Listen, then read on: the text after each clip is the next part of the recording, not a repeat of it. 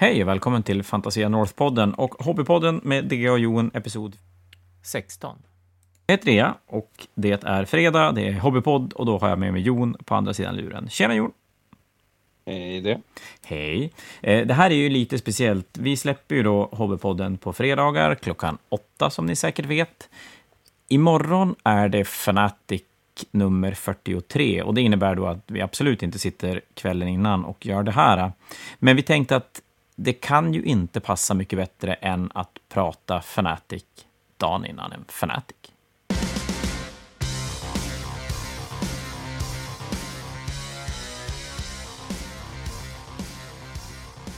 Nej, det är perfekt. Helt perfekt. Jag stressmålar inte till fanatiken. Jag är eh, rätt stressad i övrigt, eh, men det här är någonting vi har bestämt att vi ska göra, Eh, även om vi hade sagt att vi skulle försöka vara lite mer fram, ha lite mer framförhållning. Men, men den här ska komma ut och därför har vi bestämt att det ska spelas i en hobbypodd även fast det är Fnatic om några dagar. Målar gör jag. Jag målar på mina eh, Repentias. Det har inte hänt så mycket sen senast. Så att det är den här timmen som jag har målat. Det får vara som det är, det blir snart mer. Och jag gissar, Jon, att du håller på med lite karadroner. Ja, de måste ju bli färdigt till på lördag. Ja, det är ju så. Man har inte så mycket val. Och man ska vara med och spela. Ja, Och vi har ju pratat om turneringar som ett... Eh, ett jag tappar ord på en gång. Eh, turneringar i stort, som en händelse och, och va- varför man kanske ska vara med på turneringar och vad, vad, det, är- vad som är bra med eh, turneringar. Och kan väl säga det redan nu att det om inte jättelång tid kommer att komma ett eller flera Fanatic historiepoddavsnitt med Daniel Tarander som var min vapendragare som arrangör på Fanatiken i, till nummer 30. Från Fanatic nummer 1 till Fanatic nummer 30. Han pysslar med annat nu, men var pepp på att prata Fanatic-historia. Så vi ska väl... Ja, men vi, vi ska hålla oss i nuet istället. ja. Morgondagens Fanatic. Ja, men eller hur? Och kanske lite grann vad händer både som spelare inför en Fnatic och vad händer som arrangör inför en Fnatic? Jag tänkte att vi kanske kan börja med eh, vad händer som arrangör det Ja, det är för fan kaos alltid. Alltså, eller så här, det, det, det är ganska mycket jobb att arrangera turneringar när de blir lite större. Så har ni lokala förmågor som tar på sig att arrangera turneringar och, och det är så att det växer och blir en 40, 50, 60 deltagare, då, då, är det mycket jobb. Då ska ni vara... Ja, men ni ska vara om jag säger imponerad, det är jättedumt, för då, är det som att man ska bli imponerad över det jag gör. Det tycker jag definitivt inte man behöver vara. Men eh, jag tycker ni ska vara imponerade av de som gör det ideellt och se till att ni har turneringar där, där ni håller till. Eh, för, för mig så blir det ju väldigt mycket mitt jobb att Fantasia håller turnering, eh, både för att jag själv tycker det är fantastiskt roligt och det är det är bra för, för engagemanget i hobbyn och för Fantasia är det bra att det, det finns ett engagemang. Men det, för mig är det så att jag är oftast stört jävla peppad under en fanatik och alldeles efter en fanatik. Då, då är massor med idéer på vad man vill göra. Sen kommer vardagen i kapp och ganska fort är det fanatik igen om man har någonstans glömt bort och inte haft tid att göra det där man skulle ha gjort emellan. Så väldigt mycket av jobbet in, inför en Fnatic blir väldigt nära inpå. Ni som bor i Umeå vet att kommer man in på Fantasia veckan innan, då kommer man inte att se jättemycket av mig, eh, för jag sköter det mesta av fixandet runt. Och ser man mig så kommer man se mig antingen bygga terräng, måla terräng eller packa terräng. är väl en, en av tre saker. Och det är ju den där terrängen som, som alltid blir en liten grej. Och det är väl för att man både vill ha bättre terräng för varje turnering, men också mer och det går sönder och det blir fler spelare. Som 40K nu till exempel är vi 106, 108 anmälda. Så det ska finnas terräng till 54 bord och 40K ställer ganska höga krav på terräng i, i turneringsformat. Mm. Så det, där har det varit mycket jobb i helgen framför allt med att limma MDF-ruiner. Och sen fick jag fantastisk, fantastiskt bra hjälp av bland annat dig Jon, igår, alltså i måndags, med att göra färdigt den sista MDF-terrängen och även en del Age of Sigmar-terräng. Eh, Age of Sigmar är vi 32 spelare nu är vi, vilket inte är störst, det är inte större än vad det var förra, förra fanatiken. Men terrängen har, den har varit lite bristfällig på Age of Sigmar-sidan kan man väl säga? Va? Ja, det har den ju varit och eh, det är ju för att dels har det varit en lite svår eh, det har varit ett svårt spel att fixa terräng till, tycker jag. Det är ju ganska intressant för att 40K får ganska mycket... Det gnälls lite grann på 40K att det, terrängen är väldigt standardiserad just nu. Det ska vara ruiner, det ska vara eldruiner, de ska vara ganska stora, det ska finnas fyra stycken, eh, de ska blocka line of sight, det ska finnas x antal små ruiner, bla bla bla bla bla, så, för att spelet ska som funka som bäst. Men det är ju nästan motsatta problem med Age of Sigmar. Att det är väldigt otydligt vilken terräng man vill ha, vilken terräng är bra, hur ska borden se ut? Ja, det är, det är som svårt att säga exakt. Och, och Age of Sigmar har ju som alltid lidit lite grann av att det har sprungit ur gamla fantasy. Och jag vet inte om du kommer ihåg mm, terrängen för gamla fantasy. Men den terrängen var ju mest dekoration som var i vägen? Eh, förutom eh, möjligtvis, ja, som var i vägen. Eh, möjligtvis skog kunde ju göra någonting, men det var ju knappt som man kunde använda det, för det gick ju inte att gå igen. Då. Och kullar, fast man vill inte ha kullar. De kunde göra saker, men man kunde inte, man kunde inte ställa ut en kulle i en deployment zone, för då blev det ju helt broken. Men då hade man ju fördel liksom, så att kullar var ju också, det var så spännande. Och grejen att Age of Sigmar blev ju som ett helt nytt spel. Eh, bara som det blev. Det blev ju ett helt nytt spel så det, det krävde ju egentligen annan terräng. Men det hade ju också väldigt få regler när det kom. Så då var det ju som att då skulle man göra om en massa terräng till ett spel som vi nästan behövde skriva regler till. Eh, I alla fall den där första fanatiken vi höll, Age of Sigmar. Ja, och... Ja, det var ju som svårt.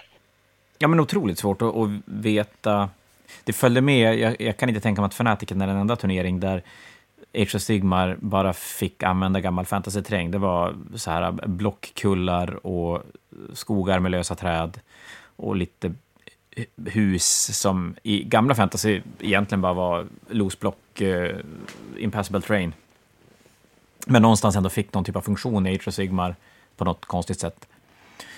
Eh, och... Där, där, har vi som problemet med, med Age of Sigmar då och nu det är att de bytte ju line of sight system eh, på ett sätt eh, från det här block line of sight som fanns i fantasy till att det skulle vara true line of sight. Jag tror det blev true line of sight redan i åttonde visserligen, men, men terrängen man hade var ju gjord för att man ska kunna blocka eh, line of sight utan att helt blocka line of sight om du förstår vad jag menar. Eh, ja, absolut. Det, och det där har väl som inte, Age of Sigmar tycker jag i övrigt har, från det första som kom till det som är nu, så är ju Age of Sigmar ett fantastiskt bra spel. Det har hittat sin, det har hittat sin plats bredvid 40K. Trots att det är mer likt 40K än vad gamla fantasy var, så har det ändå hittat sin egen nisch och, och till, till mångt och mycket sin egen spelarbas. Men som du säger, terrängen är väl det som lite grann sladdar.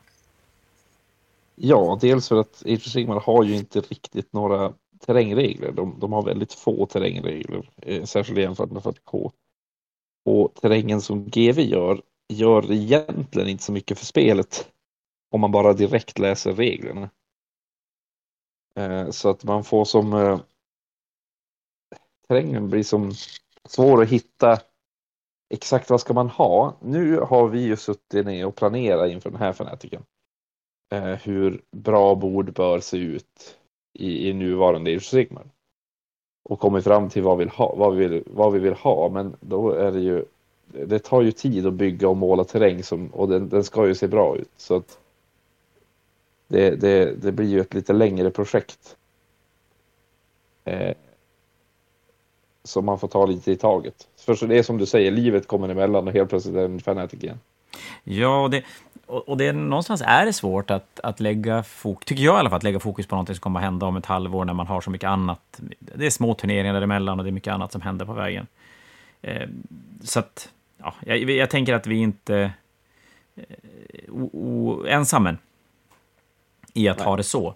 Men eh, fortfarande så finns det, ja men det finns lite planer och, och vi ska väl komma till det lite mer också, hur vi har designat terrängupplägget för inför den här turneringen och vad som sen ska underlätta lite hur, hur vi ska jobba längre fram. Men terräng är, om vi, om vi backar tillbaka till det, är ju det, det stora inför varje. Mycket av allt annat runt fanatiken sitter relativt i ryggmärgen. Nästan till den nivån att jag alltid har ångest över att jag har glömt någonting.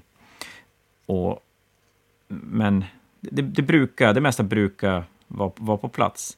Så att det vi har gjort nu, Fokus 40K, eh, för den här fanatiken nu och även ska vi jobba med båda spelen efter turneringen. Men att nu har vi byggt ganska mycket ny 40K-terräng för att klara den mängden spelare som, som är. Det blir, om alla skulle komma av de 108 anmälda så blir det den största fanatiken någonsin. Och passerar vi 100 stycken så är det väl tredje gången i historien. Tredje eller fjärde gången i historien som fanatiken passerar 100 spelare, vilket är ju fantastiskt, fantastiskt jävla roligt. Men det har krävt ny terräng, så vi har limmat väldans massa MDF-ruiner efter ganska standard 40K mått mätt. Och det vi gör nu är att vi packar ner dem i lådor med ett bord i varje flyttlåda egentligen. Så att det framöver ska vara lätt att ja, men både veta vilka bord som behöver mer terräng och veta vilka bord man... Ja, man kan ta upp en låda, man kan piffa till terrängen till ett bord och då vet man att den är som färdig till nästa gång nu har vi en ny edition, nästan 100 garanterat till hösten. Och då får vi väl se, jag hoppas väl att GW inte gör en 360 på terrängen, utan att det blir ungefär samma upplägg. Jag är ganska less på öppna fönster, stänga fönster, öppna fönster, stänga fönster. Nu får de gärna hålla den tanke de har nu till en ny edition. Det är så roligt hur du har suttit, hur du har suttit och öppnat och stängt fönster under, under ja, de senaste faktiskt helt sjukt. Och sen har jag någon sån här dum jävla princip som jag kan få ibland. Och en av dem var väl att när turneringsvärlden började köra, det var väl i, skarven mellan sjunde och åttonde, när man gick från att ha väldigt mycket öppna ruiner, och det, det, skulle inte vara stängda ruiner, till att i åttonde behöva stängda ruiner. Det kan ha varit någon annan edition, men whatever. Och då spelade ju de allra flesta med att bottenvåningar är stängda.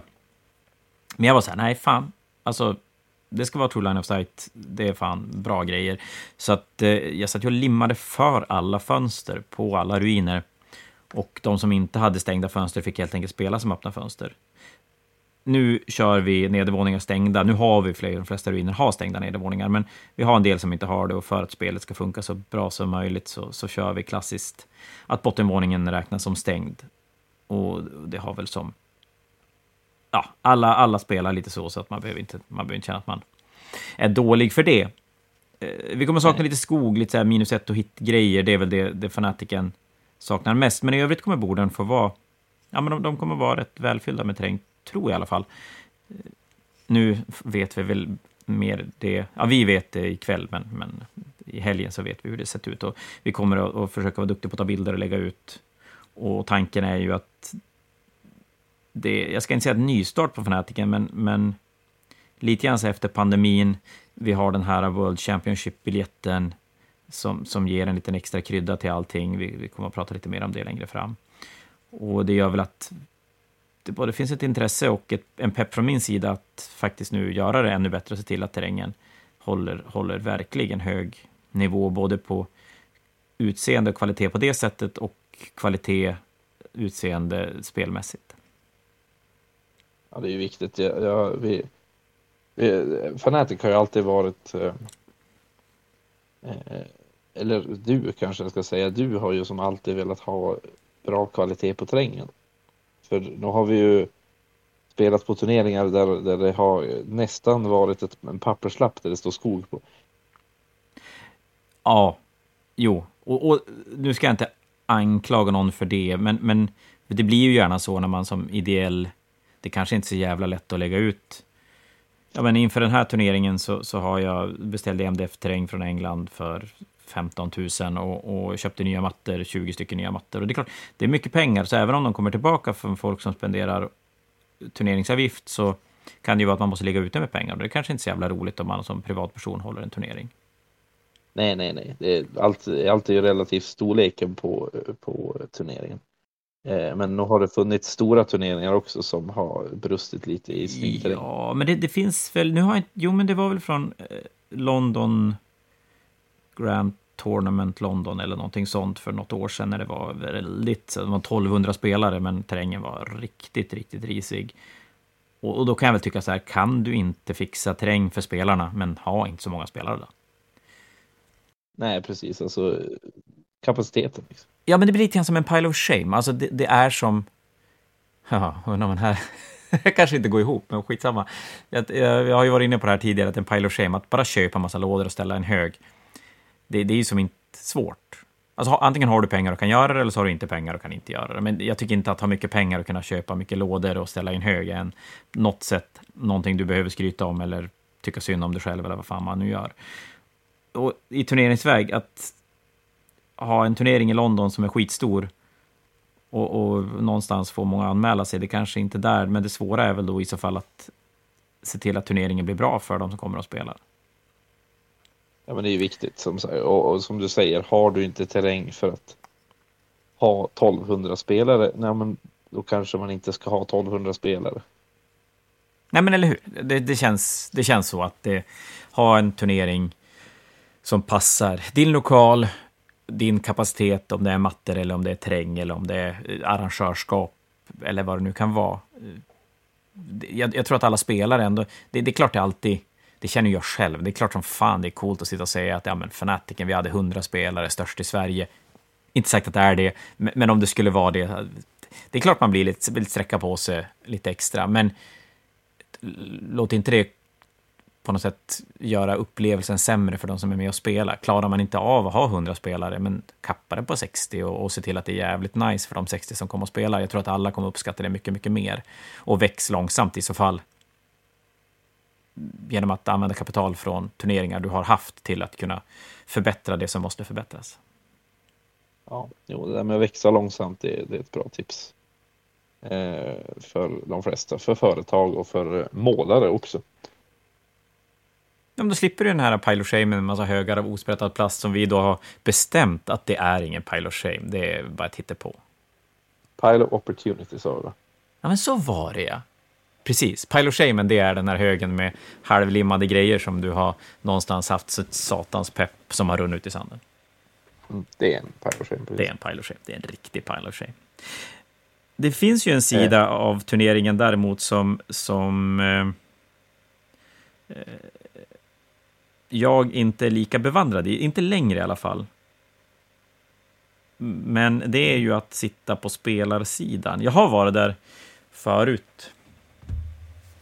Eh, då spelade jag mer turneringar och åkte runt och spelade en del turneringar. Jag spelade Grand Tournament i gamla Fantasy i Oslo och i Stockholm och Uppsala. Jag spelade många turneringar och sådär. Eh, nu var det länge sedan, men det här med målning inför en turnering, det vet du allt om. yes, det vet jag allt om. du har jag provat har alla gjort... varianter? Jag har provat alla varianter. Första Fnatic så satt jag och målade eh, hela natten ända tills klockan sju på morgonen och jag tror att vi for halv åtta. Så det var ju magiskt. Eh, jag, har haft, jag har varit ung och haft mamma som har hjälpt mig att måla.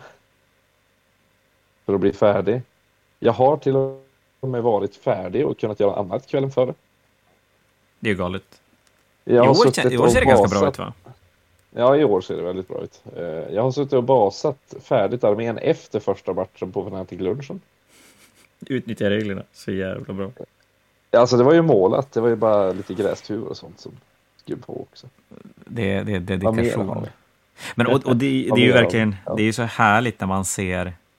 Det, jag, det har, jag tror att vi ser en, en en, en korrelation med att communityn har blivit äldre och vi ser lite mindre målarhets inför en turnering.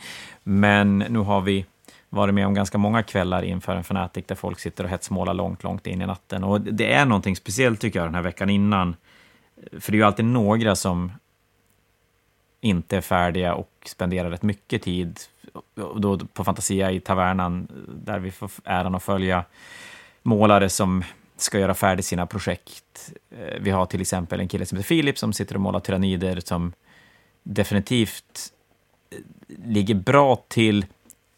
Nu vet jag inte vilken kvalitet vi kommer att se på, på, på arméerna på 40K-sidan, men om, om Fanatiken på 40K blir så bra kvalitet som det någonsin har varit så kommer Filip nästan garanterat att vara med på en Best Show-bord. Så kan man väl säga.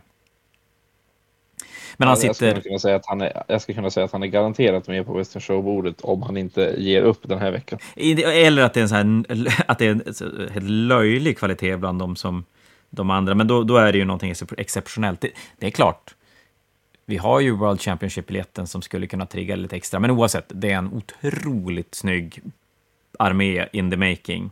Eh, det kommer att finnas bilder på de här, hans och andra otroligt snygga arméer efter turneringen för er att titta på i Fantasias sociala kanaler. Men det, oavsett, det är skitkul att se han med andra sitta och mer eller mindre hetsmåla sina grejer inför och just den här... Äh, men trots att det gärna från många sidor kan, kan framstå som att turneringsspelare inte bryr sig om målning och sådär, hur, hur ändå så otroligt många ändå lägger en, en en stolthet i att göra färdigt. Sen är man ju väldigt olika duktig på att måla, så att kvaliteten på vad som är färdigt hos många är väldigt olika. Men just den här stoltheten att man ska vara färdig med, med sina grejer.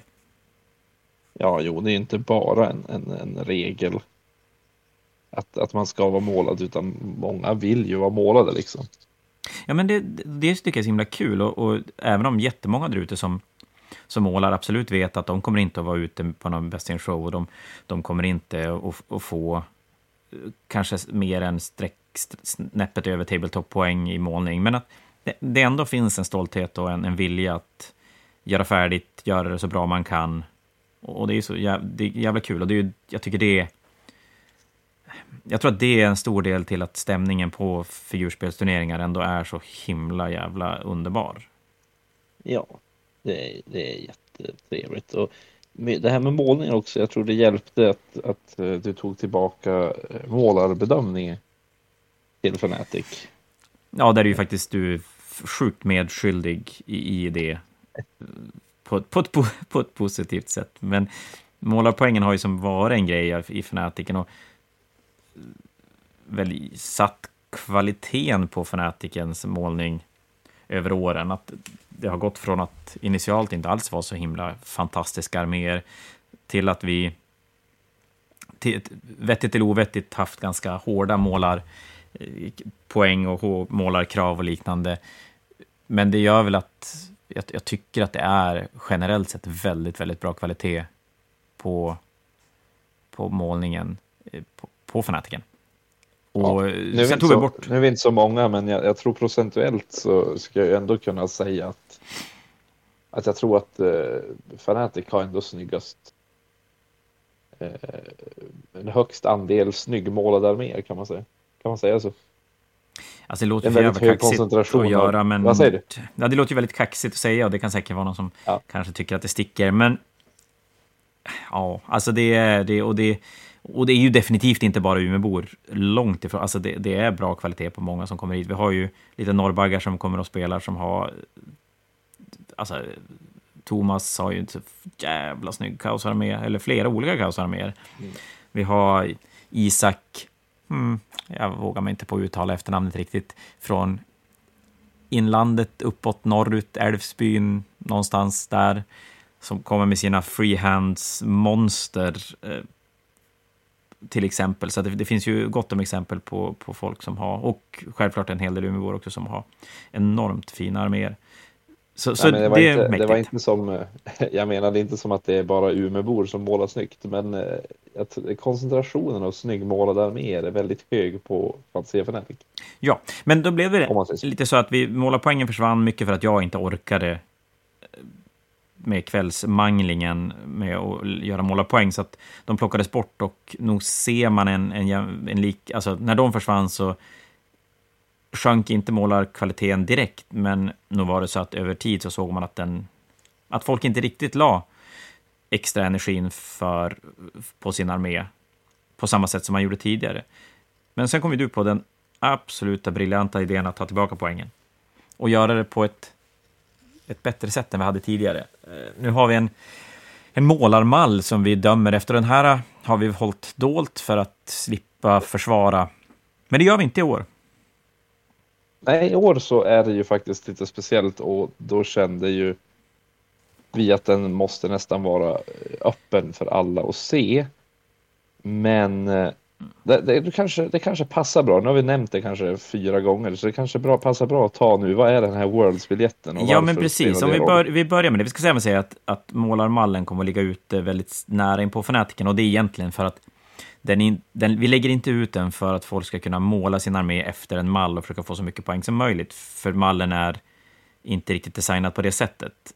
Ehm, men vi lägger ut den för att man ska kunna se hur, men kanske lika mycket i efterhand, att man ska kunna se lite hur vi har tänkt när det kommer till målning.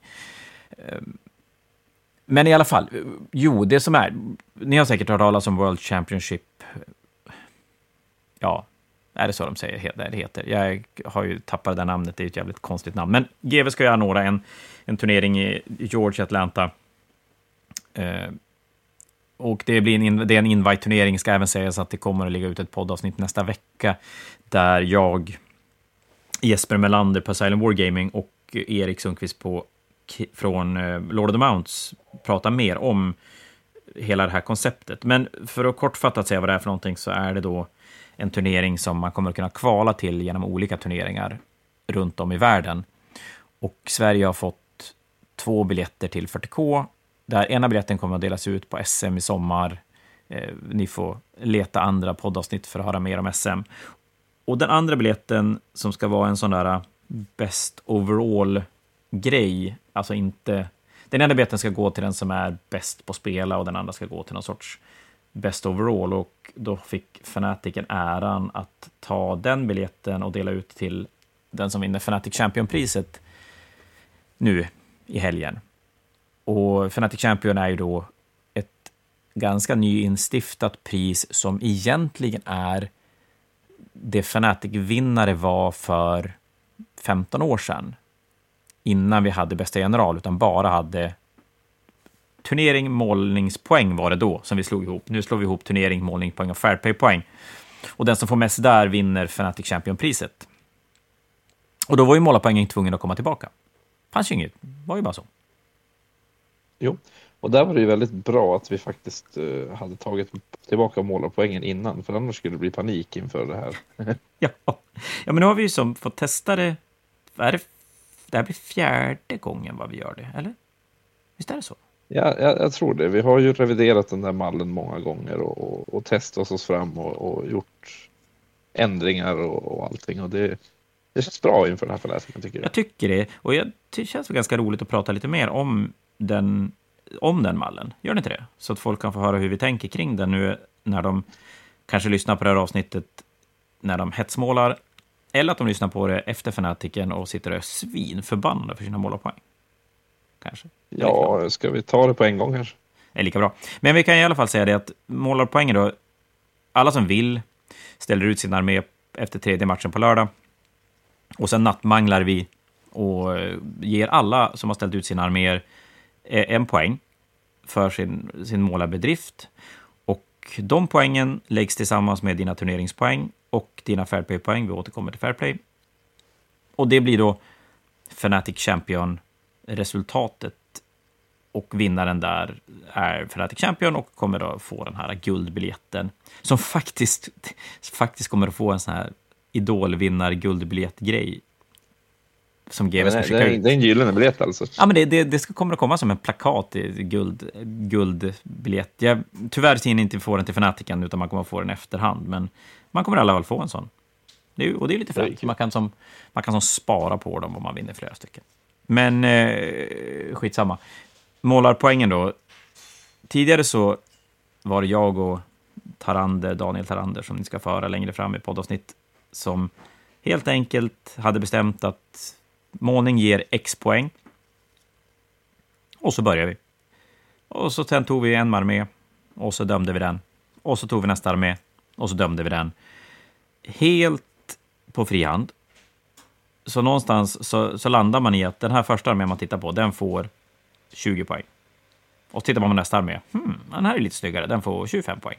Och tittar man på tredje armén och bara, hmm, ja, den här är ju ännu lite snyggare, den får 27 poäng. Och så gick man så, och så hade man kommit 20 arméer in och så bara, den här armén får 20 poäng. Men vad fan, den här armén är ju mycket fulare än den första armén som fick 20 poäng. Det går ju inte. Och så skulle man försöka få ihop 50-100 arméer på det sättet. Och det var... För det mesta blev det helt okej.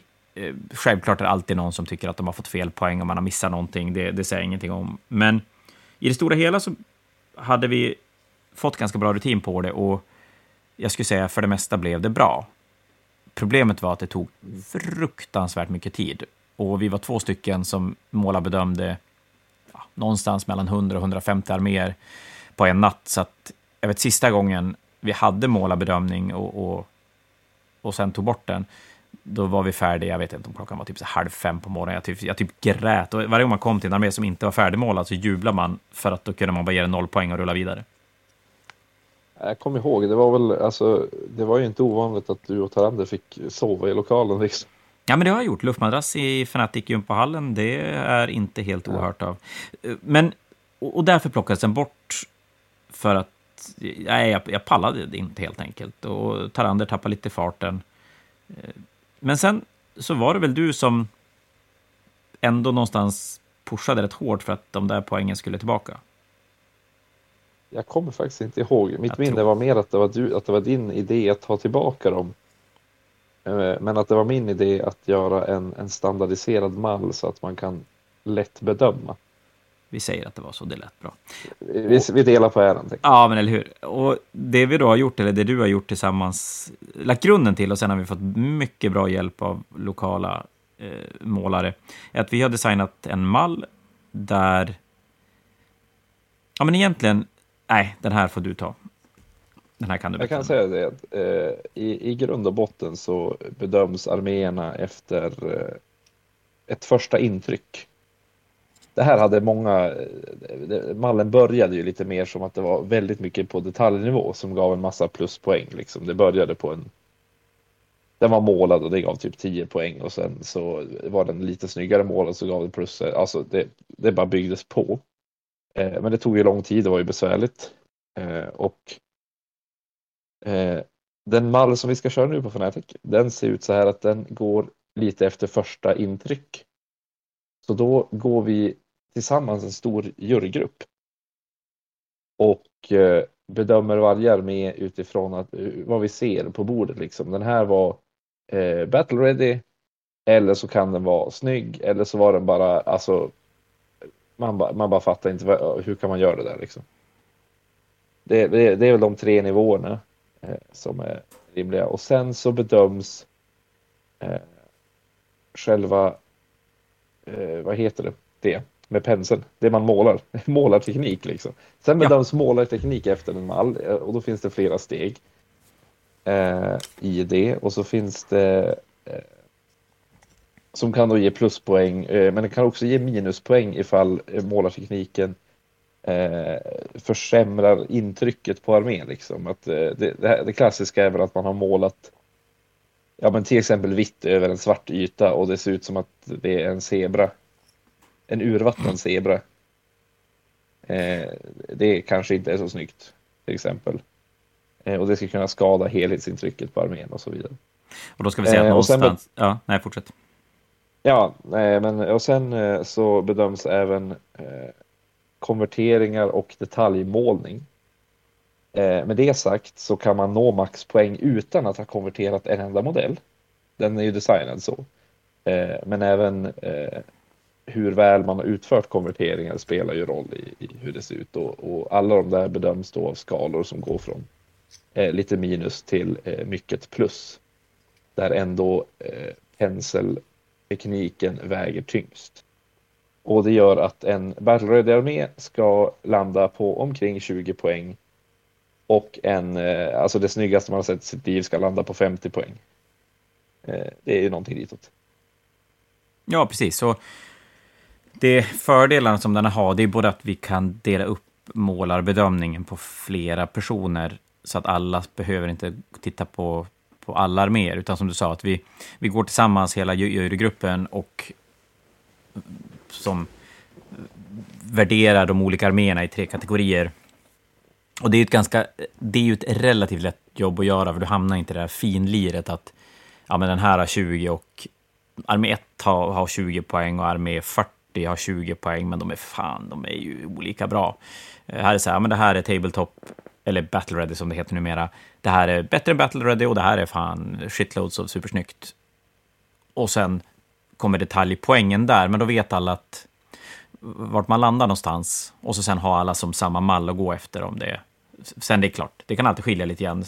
Målning kommer ju till, till mångt och mycket ändå vara en hel del smak och, och smaken är olika.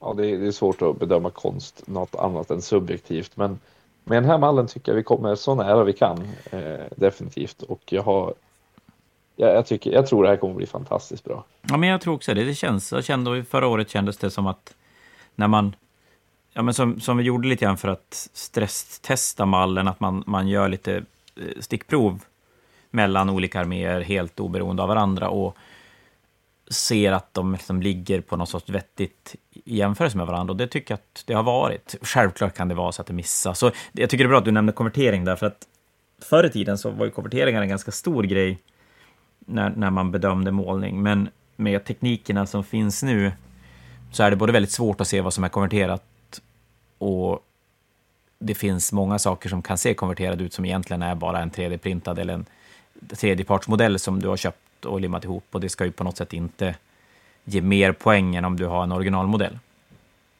Nej, och sen eh, finns ju också det här problemet att om du skulpterar en Space Marine så snyggt att ingen ser att det är en konvertering så får, då är det som svårt att få poäng för. Ja, och det har vi ju faktiskt haft. Vi har ju Peter som, ja. som är helt Balefire heter han, finns på Twitch där han sitter och, och målar och man kan kika på när han jobbar. Inte blixten, men satt i helvete vad snyggt det blir. Ja, jätte, jättesnyggt. Det blir så snyggt så att man inte ens ser att det är en konvertering och det, Nej.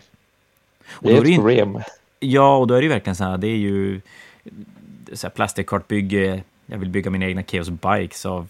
Men han byggde Chaos Bikes av Dark Vengeance Bikes, Dark Angel Bikesen. Och det gick bara inte att se att det inte var en, en GW-modell. Om man inte visste att det, det här är... Det finns inte. Det, så att, nej, det är klart. Och, och, då blir det så här, ska man värdera konverteringar tungt, då blir det halvfula konverteringar. Nej, men alltså konverteringar som är inte tillräckligt bra för att vara en originalmodell, så att man ser att det är konvertering, men ändå bra. Och det är ju fel. Är det. Mm, precis. Däremot... Eh, jag, känner att vi, jag, jag, känner att vi lyckas, tror jag. Ja, men jag tänker så här, tema är bra, hålla sig, få en armé att sitta ihop är ju någonting som är väldigt viktigt. Framförallt kanske för att hamna så högt upp som möjligt i de olika, de här tre kategorierna, så ska jag säga att ha en armé som ser ut som en armé är superviktigt. Ja, precis. Det blir ju inget snyggt om man till exempel eh, har eh, modeller som, eh, om vi kan säga så här, hoplånade arméer brukar ju kunna se ut som inte en armé, utan det ser mer ut som fem arméer som man har satt ihop lite olika. Ja, och då är det så, även om varje modell är löjligt jävla snygg, så är det svårt att... Ja, de måste ju låna ihop med en tanke. Ja, precis. Och, och det är det som också, när man, när man bedömer, målar bedömer en, en armé, så är det armén man bedömer. Vi sitter ju inte och, tänk, vi sitter ju inte och tittar på den absolut snyggaste eller absolut fulaste modellen, utan man väger ju ihop alla modeller till ett samlat mm. betyg, så att säga. Och det tycker, jag är, eh. det tycker jag är så otroligt viktigt när man pratar målarbedömningar och målartävlingar på turneringar, att det är så fruktansvärt stor skillnad att måla en armé och måla en singelfigur. Så att det, man måste verkligen titta på arméerna. Man kan inte plocka ut den bästa eller den sämsta. Utan man måste se helheten. Och nästan så här, ska man, skulle man välja att plocka ut bästa eller sämsta, då är det ju snarare den sämsta modellen som på något sätt ska sätta, sätta ribban snarare än den bästa modellen. Ja, och det är ju som... Det är ju, det är ju viktigt liksom att armén ser ut som en armé. De, de ska ju som höra ihop. För annars så ser det ju bara ut som flera singelmodeller som ja, står lite för tätt. Jag tror alla, alla får en, en kick av att ja, men både spela mot snygga arméer, men jag tror framför allt att ställa ut sin egen armé och känna att det, som, det sitter ihop. Mm. Det, det, tror jag också. Att bero på det, att bero på måla arméer och uh, allt det där.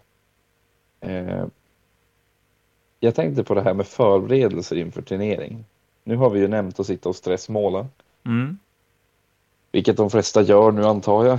Eh, jag har upptäckt att jag börjar bli för gammal att ha för mycket att måla till Fnatic. ja, det, det kostar det, på, det gör det. Ja, det var ju för, var det för, förra Fnaticen jag satt uppe hela natten och målade ja, och då kändes det verkligen att över 30. Ja, du var ju ja, förstörd. Det, det, var inte som när jag var ung och, och satt uppe och dygna för då kunde jag ändå spela hela dagen. Och var uppe till klockan åtta och sen bara däcka. Men, men jag var ju förstörd redan på morgonen. Jo, jo. Nej, det, det, var, det såg fan inte ens sunt ut, gjorde det inte. Nej, men eh, nu ska jag inte göra det, för nu har jag ju tre... Nu står här framför mig tre stycken nästan färdiga Andrew Riggers och jag har tre stycken till som jag ska bli färdig med till på Eh, på, på lördag, vilket är nog inte ett problem med tanke på att de består till 90 procent av koppar, mina modeller. Nej, det känns som att det borde du kunna fixa med ganska Det ganska borde jag kunna marginal. fixa. Men, Men det är lite andra grejer här... som, som ska fixas innan också. Ja, och det var det jag tänkte komma till. Eh, framförallt listan tycker jag alltid är så speciellt. Ja, det är kul, eh, för det här pratade vi om i förra avsnittet. Jajamän. Just att bygga listan till turneringen. Eh, Eh, personligen så brukar jag alltid börja lite för sent med det där armébygget. Men jag vill ju jättegärna spel, bygga en lista och sen speltesta den lite grann. Ja, det är bra. Eh, men jag gör, det lite, jag gör det lite för sent oftast. Så jag kommer till det här att jag, jag, bygger listan, jag speltestar den, jag tweakar den lite grann, speltestar lite mer. Eh, men precis när jag börjar känna att ja, men, nu reflekterar jag lite och skulle vilja testa lite nya saker Eh, det är då som det är dags att skicka in listan. Och det där var ju väldigt... Det här med att skicka in listan i förväg, det är ju ändå lite nytt. Ja, men lite. Det, det är ju inte riktigt nytt längre, men lite nytt. Eh, För den som är gammal är det nytt. Ja, men faktiskt. Och, och, det har ju verkligen blivit en grej som, som inte alls användes på samma sätt förut. Just det här att man, man skickar in listan i förväg, den den öppnas, folk får titta på den. Man, man poddar kanske om den som vi gör nu. Det kommer att komma en... Okej, okay. innan ni lyssnar på det här avsnittet kommer det att finnas en, en, en uh, list uh, fantasy draft-grej ute. Så att den ligger ute före vi pratar om det här, men vi har inte spelat in den än, så att... Uh, whatever, ni get it. Uh, men det var ju som inte en grej förut. Nej, särskilt inte i gamla fantasy och 40K. I synnerhet fantasy, då skulle ju listan vara hemlig. Eh, dina ja, magiska items skulle vara hemliga. Alltså, motståndaren fick ju inte veta vad du hade eh, i listan. Så det Nej. var ju verkligen det var ju väldigt hysch om den där listan. Alltså. alltså det är så jävla, ursäkta, det är så jävla dumt. Ja, faktiskt. det är lite skumt faktiskt. Ja, men det, det är så här, ja, men om, om du känner fler folk då är det lättare för dig att, att så här, lurka ut vad, vad du ska möta. För då kan du så här, snacka med polare som har spelat mot den där armén och så kan du veta vad du ska, vad du ska, vad du ska spela mot. Men är du, är du på en turnering där du inte känner någon, då kan du typ aldrig veta vad du ska spela mot. Nej, eller som du säger, känner fler folk så att du, har, så att du faktiskt spelar mot massor av människor och så kan du deras lista för du har mött den mm. förr. Eh, det, är som, det är väldigt skumt, det är det ju. Eh, och det är, och, det är skitkul när man lägger ut listorna och då publicerar de live hur man märker att jättemånga verkligen, verkligen tycker om att sitta och titta listor, räkna, samla statistik. Jag får ganska många som på olika sätt sammanställer olika typer av statistiker från, från eh, listorna, så här factions och, och, liknande. Och det visar ju på en, men en, ett intresse som är så skitkul, att folk verkligen uppskattar allting runt omkring, inte bara vara på plats och spela. Nej, men det är ju roligt. Det är ju roligt. Eh, och jag, jag, listor är roligt, det, det, tycker jag. Det sa jag förra gången vi snackade listor. Så. Ja, det, och det är kul att se vad folk har gjort och hur man har tänkt och hur mycket folk har byggt eget och hur mycket man har tittat på andra och sådär. För det tittas en del på andra. Ja, det gör ju det. Alltså, nu tittar jag, jag sitter och målar en Repentia nu och, och hon har någon typ av grej på låret och det vad fan är det där? Det ser ut som en ringbryna som hon har linda på benet. Vi kan väl säga att den är nog bara ditlagd för att förvirra dig. Ja, jag är superförvirrad. Eh, whatever. Eh, ja, nej men listor är ju, är ju just inskicken, deadline, och vilken skillnad man märker nu, att folk är grym på att hålla deadlinesen. Man vet att Jon kommer alltid vara sist. Um, ja, ja. men inte sist. Eller? Mm. Jag vet inte, jag har lite koll sista halvtimmen. Det var i tid i alla fall. Du skickade 23... Ja, på Age of Sigma-sidan hade vi faktiskt några som var lite sena. Men det, det är så det är. Vi, vi har faktiskt, på, på Age of Sigma har vi eh, skitbra eh, nyrekrytering i Umeå, så att vi har ganska många unga spelare som är med och spelar. Eh, några är med och spelar första gången. Och då är det lite lurigt. Jag, jag, det är mycket runt omkring. Man kanske är lite nervös, man har aldrig varit med tidigare, bygga lista, kanske måste till och med lära sig spelet ordentligt sista veckorna innan. Så då kan jag alltid känna att man kan ha lite... Lite, lite, förståelse. Ja, men exakt. Och de här eventuella minuspoängen, de kommer nog inte att delas ut. Eller nog, de kommer inte att delas ut alls, utan det det, det får vara som, som det är. Och är man en, en luttrad turneringsräv och förlorar mot någon som är 14 bast och skickar en listan eh, två dagar sent, då, då förtjänar man det. Du har väl testat det, va, Johan? Ja. Har du inte det? Eh, jag har testat att förlora mot någon som är 12, ja det har jag gjort. Men han skickade nog en lista, jag tror han har skickat en lista i tid. Eller var det innan listinskick? Nej, det var... Nej, nej det var efter Listerskick. Så ja, han skickade nog in den i tid för att annars hade han ju bevisligen inte spöat mig. nej, precis. Ja, det är fascinerande. Men det lär inte vara du lär ju långt ifrån vara ensam som sitter och, och sista sekunden ändrar grejer. Det är, är så mycket, alltså det, det, grejen är att listin, på ett sätt var det ju ganska lätt förr.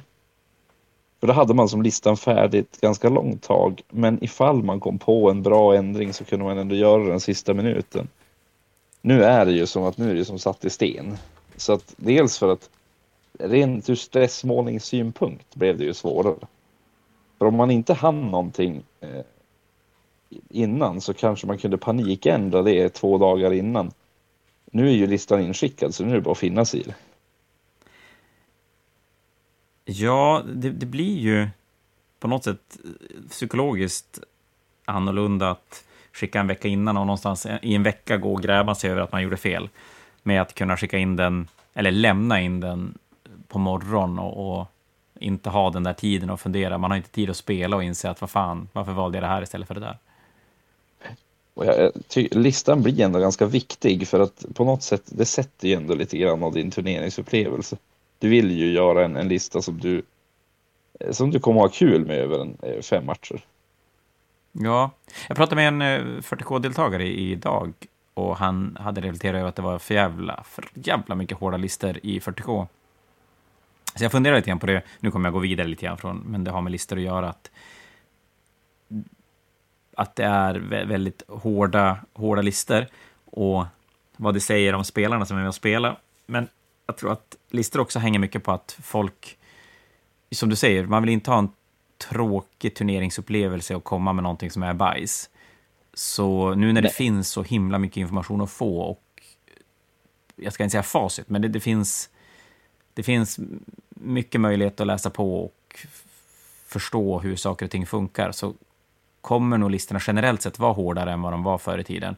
För även den som tycker om att, att sitta och broa hemma, en, det finns nog ingen som inte blir influerad av andra numera. Det tror jag inte. Nej, men alltså man, man hänger ju med, med folk som gör det här och man, man har inga med i diskussioner och det är någon som eh, det är någon som kommer på en cool kombo och den bara sprids över hela internet jättefort. Mm. Att alla känner till det. Förr i tiden när folk kom på coola kombos då var det som det var det mer en mytspridning för, mellan de som hade mött den här personen på turneringen.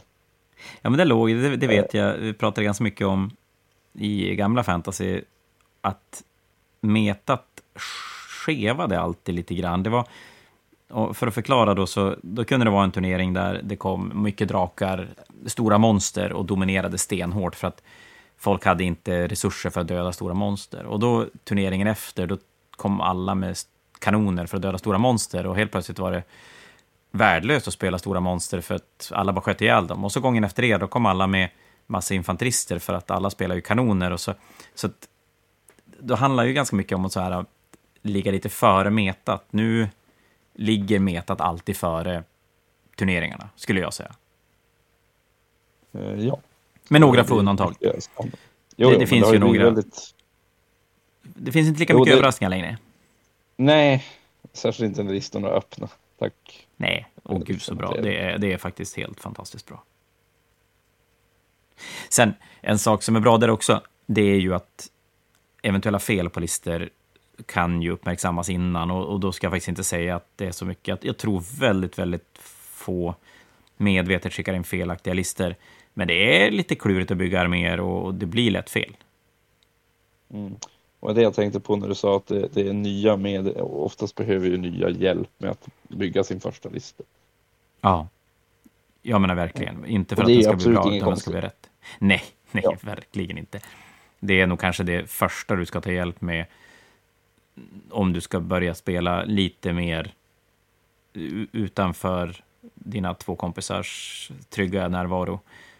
Det är faktiskt list. Det är nästan viktigare än att börja lära dig. Alltså, regler för att kunna spela spelet i grund och botten, självklart, men det räknar jag som att det, det, det sitter där. Men eh, just listgrejen är bra att få hjälp med. För det är svårt. Jag såg nu några på 40K-sidan som hade haft med något annat attachment i sin Arcs of Moment attachment. Och det är, så, det är så jävla svårt att hänga med på vad är aktuellt nu, vad får jag inte använda. Så att, eh, fullt, fullt förståeligt. Och då är det väl ganska mycket skönare att man blir kontaktad några dagar innan turneringen med möjlighet att rätta sin lista än att någon under turneringen bara, men din lista är ju fel. Jag har ju inte gubbar till att ändra Ja. det här. Vad fan gör jag nu? Nej, det är ju mycket bättre att det syns i förväg. Det, och, och då blir det, det blir lite angiveri. Det, som sagt, det finns duktiga folk som tycker om att titta listor som, som gärna sitter och kollar igenom och brukar då höra av sig om det. Och det, det uppskattar jag. Och jag tror att de som har gjort fel på listorna uppskattar också att bli, bli rättade i förväg. Det är verkligen ingenting man behöver skämmas för. Utan snarare bara bra. Och, men det är som sagt en fördel med att skicka en lista i förväg. Och nog är det så att om listan inte är inskickad så öppnar det väl upp om det finns de få spelarna där tillfället gör fuskaren.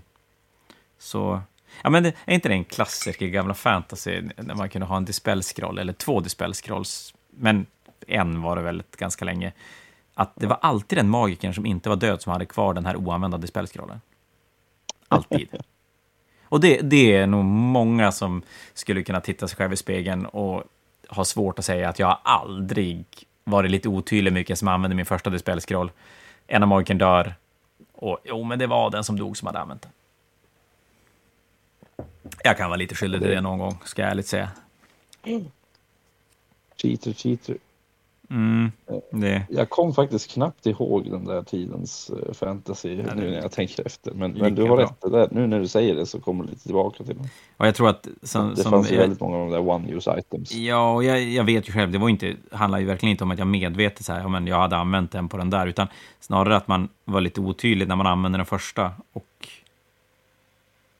och sen när man ska använda den så här, hmm, undrar vem det var. Jo, men det borde vara den där.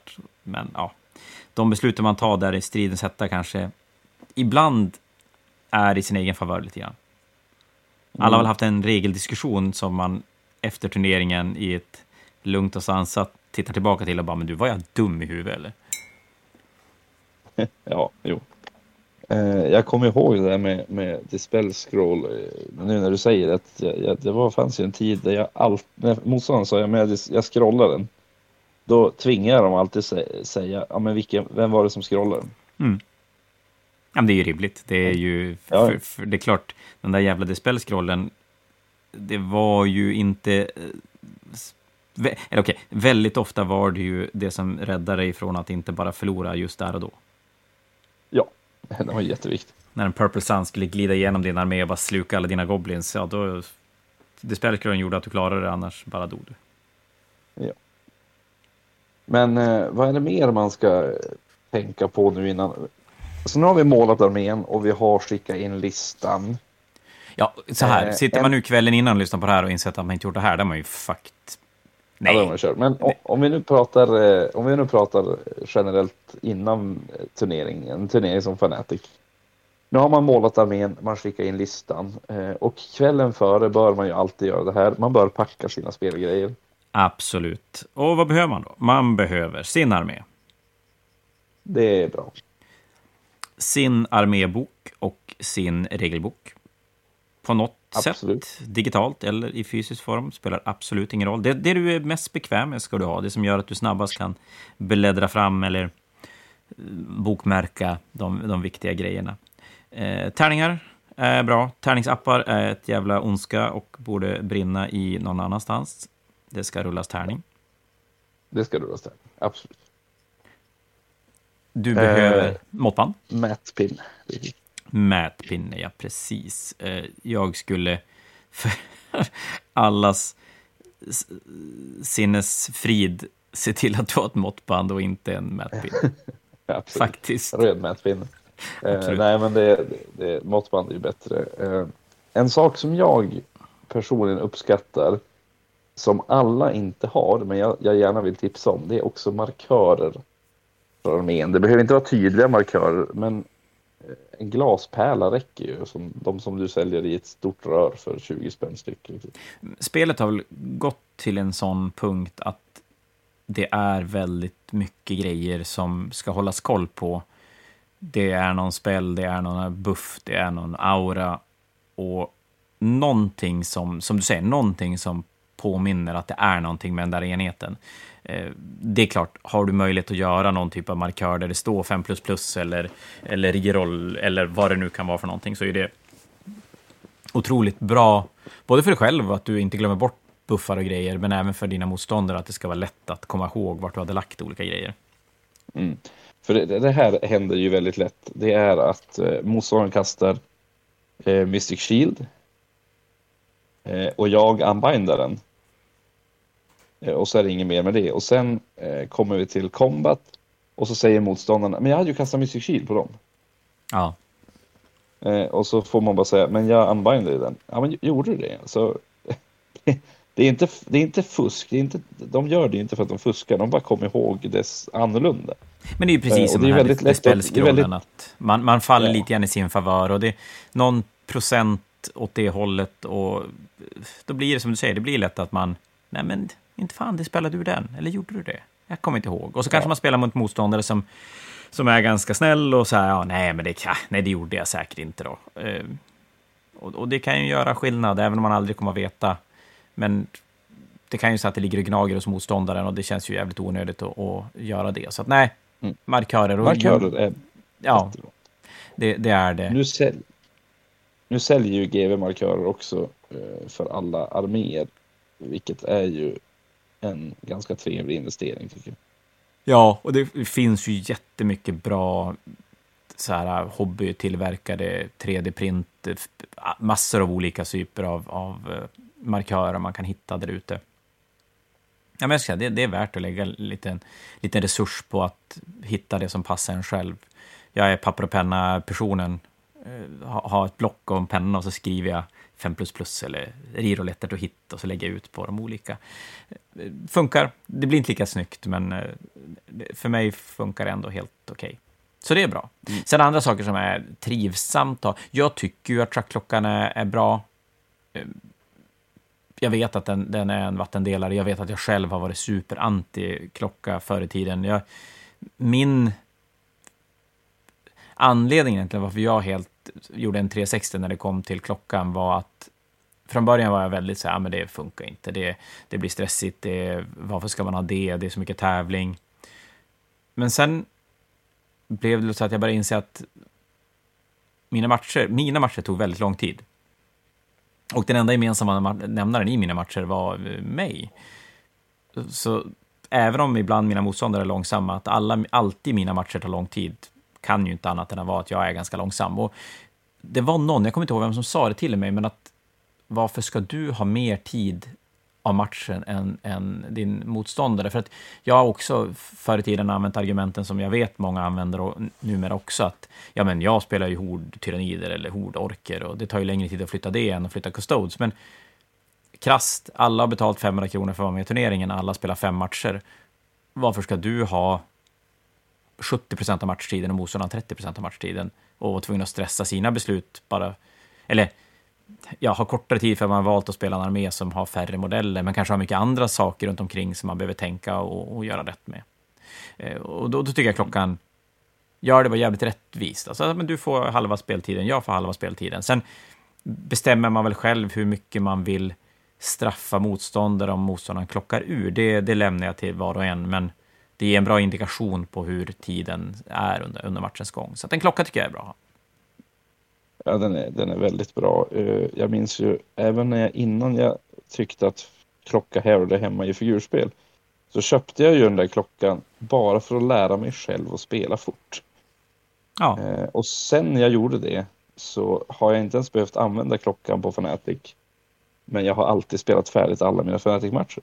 Ja, nej, men jag tycker det är vettigt. Jag brukar säga det inför Fnaticen på den här genomgången vi var innan, att även om man inte har klocka, men ställ en mobil som plingar en halvtimme innan så att du, du har koll. För det är så fascinerande vad tiden går fort när man spelar figurspel. Ja, det är för att det är jättekul. Ja. Det är bara. Och det är så här, man blinkar och sen har det gått tre timmar och så står man där i runda två och en domare som står och flåsar i axeln och så bara du, resultat, nu. Och det är ju mycket för att man gör det ju, anledningen varför man blir så som domare och TO, det är ju för att man vet att det är massa folk som väntar på att få spela sin nästa match och det är jävligt frustrerande att kolla på de här två personerna som drar ut på tiden och själv är man så här, men vad fan, vi måste ju komma igång, jag vill spela. Jo, så klockan. Ju, man måste ju, man måste en ju... sak ja. som du måste, skulle jag säga, ha med dig, alternativt kolla med, med turneringsarrangörerna om det kommer att finnas på plats, det är numera objektivmarkörer. Ja, det är ju jätteviktigt. Nu ska sägas på Fanatiken i år, om jag beställer tillräckligt många, jag är lite, lite osäker, men vi blev ju nämligen fler spelare än vi hade tänkt. Men eh, på väldigt många bord kommer det att ligga ute objektivmarkörer redan eh, match 1 på, på lördag. Och tanken är att de ska finnas kvar på borden och man kan använda dem under spelens gång. Eh, och sen kommer de finnas med att köpa dem när, när turneringen är slut. Och, och samma sak på Age of Sigmar-sidan har vi tryckt objektivmarkörer också. Eh, jag fick dem idag, jag har inte öppnat paketet. Jag är skitnervös när man öppnar så här tryckta grejer för att man har gjort någon bobo som gör det ser ut som Bang Bang. Men eh, de ska väl öppnas imorgon, I guess. Och se om det blir bra. Eh, du ska egentligen kanske öppnat dem före du sa det högt i podden. Ja, men det spelar ingen roll, för jag har ju öppnat dem innan. Ja, de också... hör den här podden. Däremot så kan det vara jättedumt. Jag kan ju vara skitförbannad för att det blir något bajs på trycket. Som som gör att ja, eh, den... Men, men eh, förhoppningsvis blir de bra. Eh, och det är en sak som numera i både 40K Age och Sigmar är det ju nästan jävlar i mig omöjligt att spela utan. Ja, nej, du måste ju ha markörer. Det, det, det går ju inte. Men det är väl det som behövs för att kunna, kunna spela. För att kunna spela, ja. Men det finns en sak till som jag önskar att alla tog med sig. Och det är en flaska superlim för att göra reparationer på armén. För den kommer att gå sönder någonstans.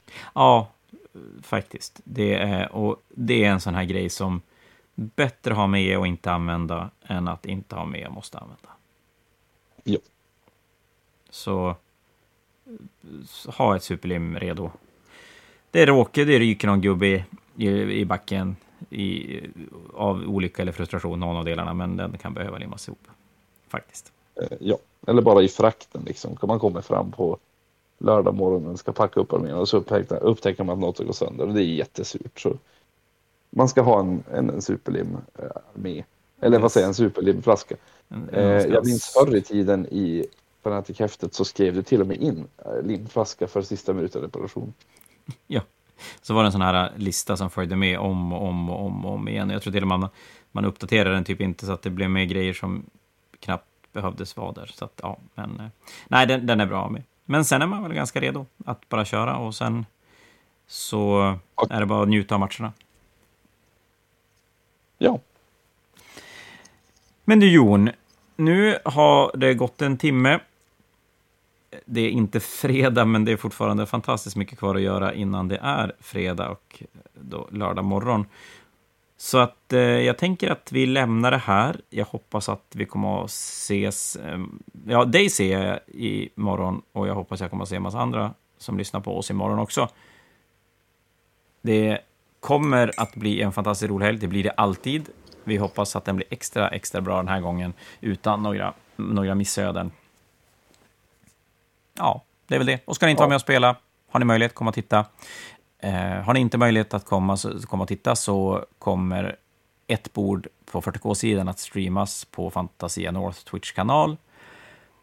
Så att man har möjlighet att kika på det. Det kommer att fotas och läggas upp bilder på sociala medier lite grann under turneringens gång, men även efter turneringen eh, på Best in Show och allmänna sådana spel, spelbilder och i, i lokalen. Så följ oss gärna på Facebook, Instagram. Ja, det vi finns på Fantasia North eller Fantasia North Sweden på Instagram. Då är det väl bara att säga att vi ses på Fanatic. Ja, men det gör vi. Lycka till med målningen och eh, HB-podden är tillbaka om en vecka då vi nog inte kommer kunna låta bli att prata lite post Fanatic. Tack för ikväll allihopa. Vi hörs om en vecka. Hej då på er.